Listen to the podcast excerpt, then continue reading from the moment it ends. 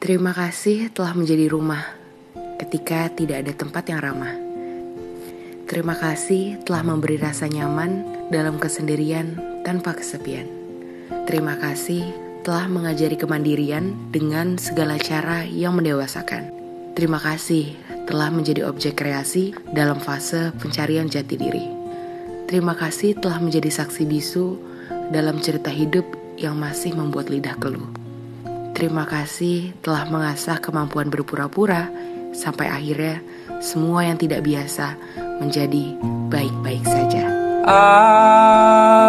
Pukul 2 malam. Quiet life on a handshake, carbon monoxide, and alarms, and no surprises.